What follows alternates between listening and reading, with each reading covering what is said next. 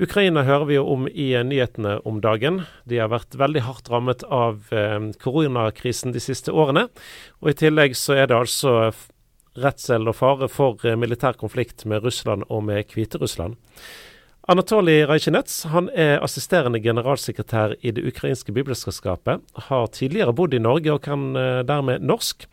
Og sier dette om eh, hvordan situasjonen i landet har påvirka arbeidet som han er med å lede. Ukraina er veldig mye rammet av pandemien. Det var utrolig høyt dødsfall, den høyeste jeg har i Europa. vi har mistet veldig mange. Jeg også har mistet i min familie to medlemmer, min far og kona til min bror. Så det har berørt oss veldig dypt. Men også de utfordringer med uh, krig i øst, som har pågått nå i åtte år. Jeg hører fra, både fra ortodokskirken, uh, gresk-katolsk, protestantiske, evangeliske kirker at eh, på de midt-uka på bønnetime eller, eller uh, kveldsgudstjeneste, det er flere og flere som kommer nå siste, siste måned enn det, enn det, var før. Så vi har veldig, veldig mye å gjøre i Bibelselskapet. Det er, det er mye, mye, nye bestillinger, og vi trenger bibler. Kan du si litt mer om, om hvorfor ukrainere søker til kirkene og til, til Bibel i den situasjonen som, som landet er i? Ingen av oss vet hvilket, hva, hva som skjer i morgen og, og, og hvordan, hvordan vi, vi, skal, vi, skal, ha det i morgen, neste dag. Hva, hva bringer inn neste, neste, dag? Og det er uh, veldig stor sannsynlighet at det blir en åpen, stor krig. Slik sier ledelse i landet, politikere og eksperter. Og da uh, Det er jo mange mennesker som, som, som, begynner å tenke ikke bare på hus, uh, økonomiske ting, og familie, men de tenker også på deres liv. Hvor de kan hente uh, trøst og håp. Bibelselskapet i Norge samler inn midler for å støtte bibelutdeling og annet arbeid som søsterorganisasjonen i Ukraina driver. Bibelmisjonsleder Bernt Greger Olsen i Det norske bibelselskapet sier at Bibelen er en høyt respektert og etterspurt bok i det ukrainske samfunnet, og han tror årsaken er å finne i landets historie. Jeg tror at vi, eh, For å forstå dette, så må vi se litt på den situasjonen som Ukraina har stått overfor. Altså, de var en del av Sovjetunionen inntil 1990, eh, da unionen gikk i oppløsning. Eh, og Før dette var Bibelen forbudt bok. I de første tiåret ti kan vi si, etter at Ukraina ble en selvstendig stat, så vi en veldig sterk vekst i kirkene. Ukraina er i dag kanskje Europas skal vi si, åndelige senter. Eh, det er kirker i vekst, det er svært mange kristne. Mens vi snakker om eh, av en befolkning på 45 millioner, så snakker vi om rundt to millioner som tilhører en protestantisk kirke. Men det er veldig mange mennesker som har et veldig aktivt forhold til sin kirke, både i de, de to store katolske kirkene i landet, og også veldig mange i de to store eh, ortodokse kirkene i landet.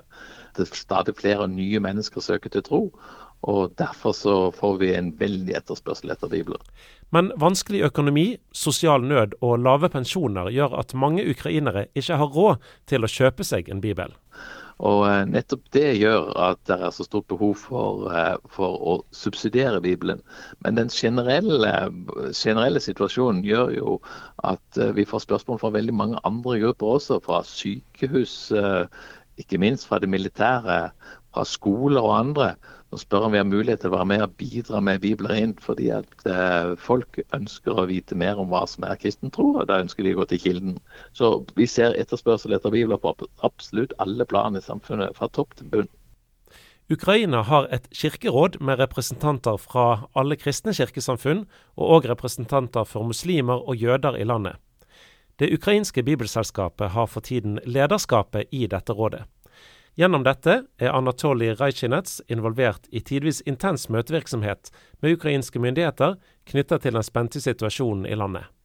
Så Vi møtes eh, nesten hver uke nå i det siste. Med ulike ministre, forsvarsminister, utenriksminister, med president av landet. Og så snakker vi om situasjonen. Og det er mye som kirkeledere gjennom kirker gjør for å bringe håp til mennesker og, og, og, og si, si at, at, panikk er den verste fiende. Det var veldig interessant. Senior rabbi, uh, rabbin, som, som er uh, hovedrabbin for hele Ukraina, Jakov Doblaich.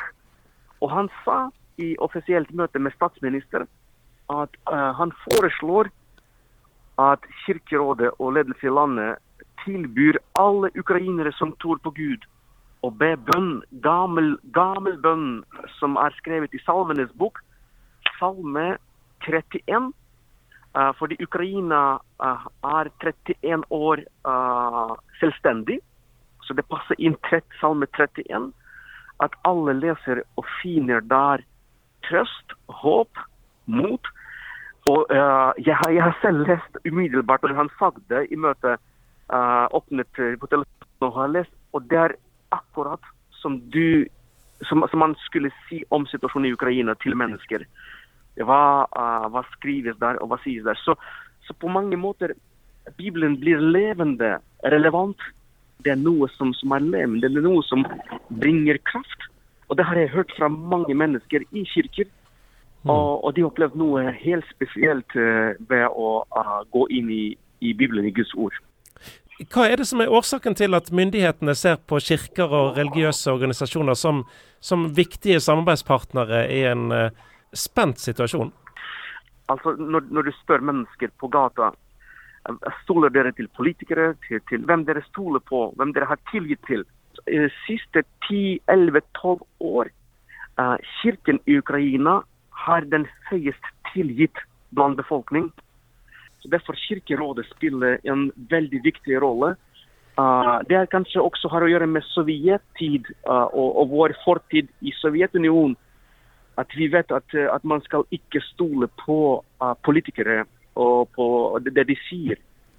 Og, og der, Derfor har um, landets ledelse har en stor partner og ber Kirkerådet å være den talsmann på deres vegne når man skal kommunisere en viktig budskap til, til, til uh, befolkningen i Ukraina. Hvordan opplever du å, å stå i uh, dette arbeidet som, som dere da driver med, med, med, mye møtevirksomhet og sånt i, i denne tiden? Uh, det, det, er veldig travelt.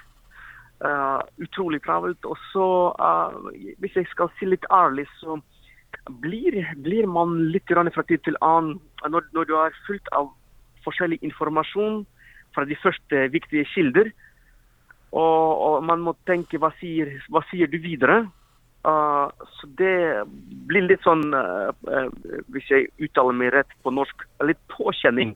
Men ellers så, så alle disse utfordringer gjør oss sterkere. Og jeg er så takknemlig til Gud. må, må si det uten å overdrive nesten daglig, hver dag i bønn takker jeg Gud for at jeg har tilgitt fra ham å stå i, i, dette arbeidet sammen med mange andre kolleger, med andre, andre kirkeledere. Og at vi kan gjøre noe nyttig og noe viktig til Ukraina, til ukrainere. Og nummer én av det vi gjør som er viktig, viktig, det er at vi sprer Guds ord som forandrer menneskenes liv. Og det ser vi overalt i landet. Jeg kunne fortelle det timevis bare fra siste uke vitnesbyrd ja, fra ulike mennesker, både voksne og unge, som pga. den situasjonen de har kommet berørt Bibelen, eller Guds ord har berørt deres hjerte. Det har snudd deres liv eh, fullstendig. Og mange glade mennesker, takknemlige mennesker, for at, eh, for at uh, kirken, kirken står, står, så sentralt i den situasjonen. Står med mennesker. Det sa altså Anatoly Rajkinets, som er assisterende generalsekretær i eh, Bibelselskapet i Ukraina. Du hørte òg eh, Bernt Gregar Greger Olsen, som er bibelmisjonsleder i Det norske bibelselskapet, som er med å arrangere Bibeldagen i mange kirker i Norge nå kommende helg. Du har hørt en podkast fra Petro. Du finner masse mer i vårt podkastarkiv på petro.no.